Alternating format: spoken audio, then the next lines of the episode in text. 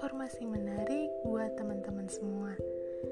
Nah, di episode kali ini aku mau bahas gimana sih caranya mudah lolos ujian mandiri. Setelah berdoa dan berusaha mengerahkan semuanya di SNMPTN ataupun UTBK dan SBMPTN, gak ada salahnya jika mencoba ujian mandiri yang ada di perguruan tinggi negeri. Sebab, ketatnya ujian ini gak separah SNMPTN maupun SBMPTN. Jika memang ingin mencoba peluangnya lebih banyak, bisa mendaftarkan diri untuk ikut ujian mandiri. Walau punya saingan yang gak sebanyak SNMPTN dan SBMPTN, kamu juga harus memperhatikan setiap detail ujian mandiri ini. Semuanya bisa kamu maksimalkan ketika ingin dan berniat. Pastikan kamu mengambil langkah yang tepat untuk jurusan dan pekerjaan yang ditekuni dengan baik dan benar. Ya, setidaknya kamu paham apa yang ingin kamu raih.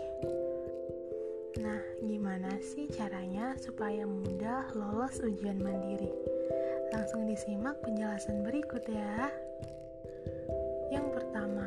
Pilih jurusan tepat yang akan ditekuni. Kamu harus memilih mana universitas yang tepat. Tepat di sini maksudnya memiliki jurusan yang kamu kuasai mata pelajarannya. Ya minimal yang kamu pengen. Jika udah daftar universitas yang kamu pilih, maka kemudian kamu bisa catat dengan baik jadwalnya. Di sini, kamu harus memiliki beberapa universitas untuk membanding. Sesuai dengan minat dan bakat agar saat kerjakan ujian, kamu bisa lebih percaya diri dan yakin saat kerjainnya punya harapan untuk bisa lolos lewat jalur mandiri. Di dalam tes yang dihadirkan, tergantung dari universitas yang kamu pilih. Namun, pada umumnya ada soal kemampuan dasar di dalam rangkaian seleksi tersebut.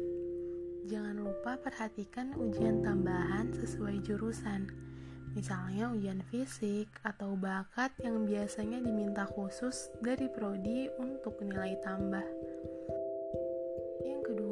berkonsultasi. Setelah memilih jurusan, kamu perlu mendiskusikannya dengan orang tua. Bagaimanapun juga, biaya yang digelontorkan untuk kuliah saat melewati ujian mandiri bisa dibilang lebih besar dibanding jalur yang lain. Kamu bisa mencari tahu dari sekarang biaya jurusan tersebut. Jadi, orang tua akan mempertimbangkan dengan baik mana jurusan yang menurut mereka juga baik. Yang pasti, kamu bisa mengomunikasikannya dengan baik dan jelas. Hal ini agar jalan untuk kuliah dan menempuh pendidikan bisa mendapat dukungan dari orang tua. Yang ketiga, rajin latihan soal. Bedanya ujian yang satu ini dengan lainnya adalah memiliki ciri khas masing-masing tiap kampus. Ada yang susah dan ada yang lebih mudah. Dari sini, kamu wajib paham jika di setiap kampus punya berbagai tingkat kesulitan yang berbeda-beda, dan tentunya soal ujian mandiri pun memiliki model berbeda dalam ujian mandiri yang diselenggarakan. Kamu bisa banyak-banyak berlatih dari berbagai sumber, Misalnya buku latihan soal yang sudah dirancang dan cocok dengan ciri khas soal perguruan tinggi negeri tersebut. Jangan lupa untuk mempelajari jenis soal sampai dengan terkait sistem penilaiannya. Biasanya ujian mandiri akan diberikan secara umum yang gak jauh beda dari SBMPTN. Namun, kamu perlu mencari tahu lebih banyak agar makin bervariasi.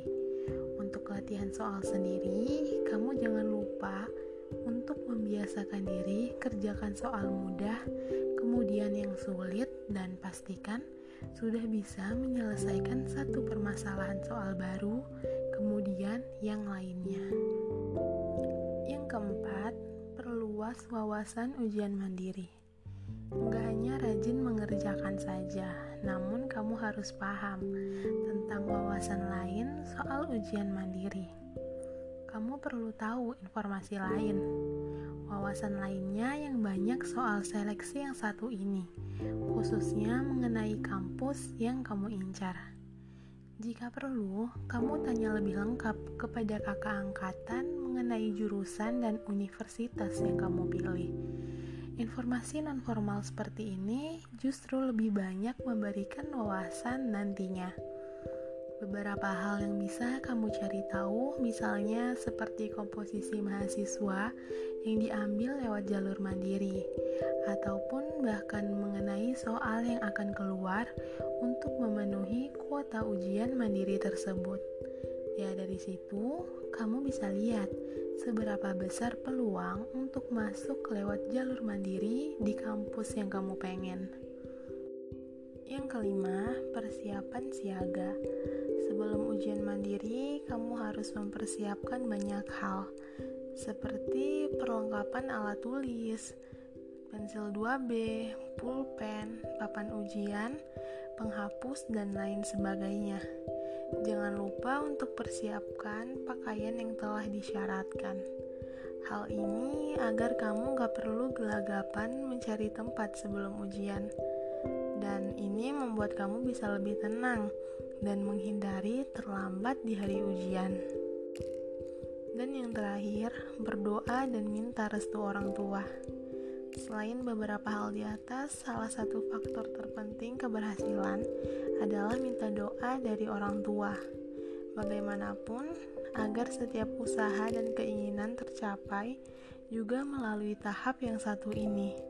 Kamu jangan pernah lupakan hal yang satu ini. Dengan begitu, setiap usaha yang kamu kerahkan akan diiringi dengan orang tua agar lebih mudah dan lancar. Ujian mandiri sendiri sering kali jadi salah satu pengharapan terakhir bagi banyak orang yang sangat ingin memilih perguruan tinggi negeri. Terkadang hal ini dibarengi dengan jumlah peserta yang gak sedikit. Semoga informasi yang aku berikan ini bermanfaat ya buat teman-teman semua. Semangat! Sampai jumpa di episode selanjutnya.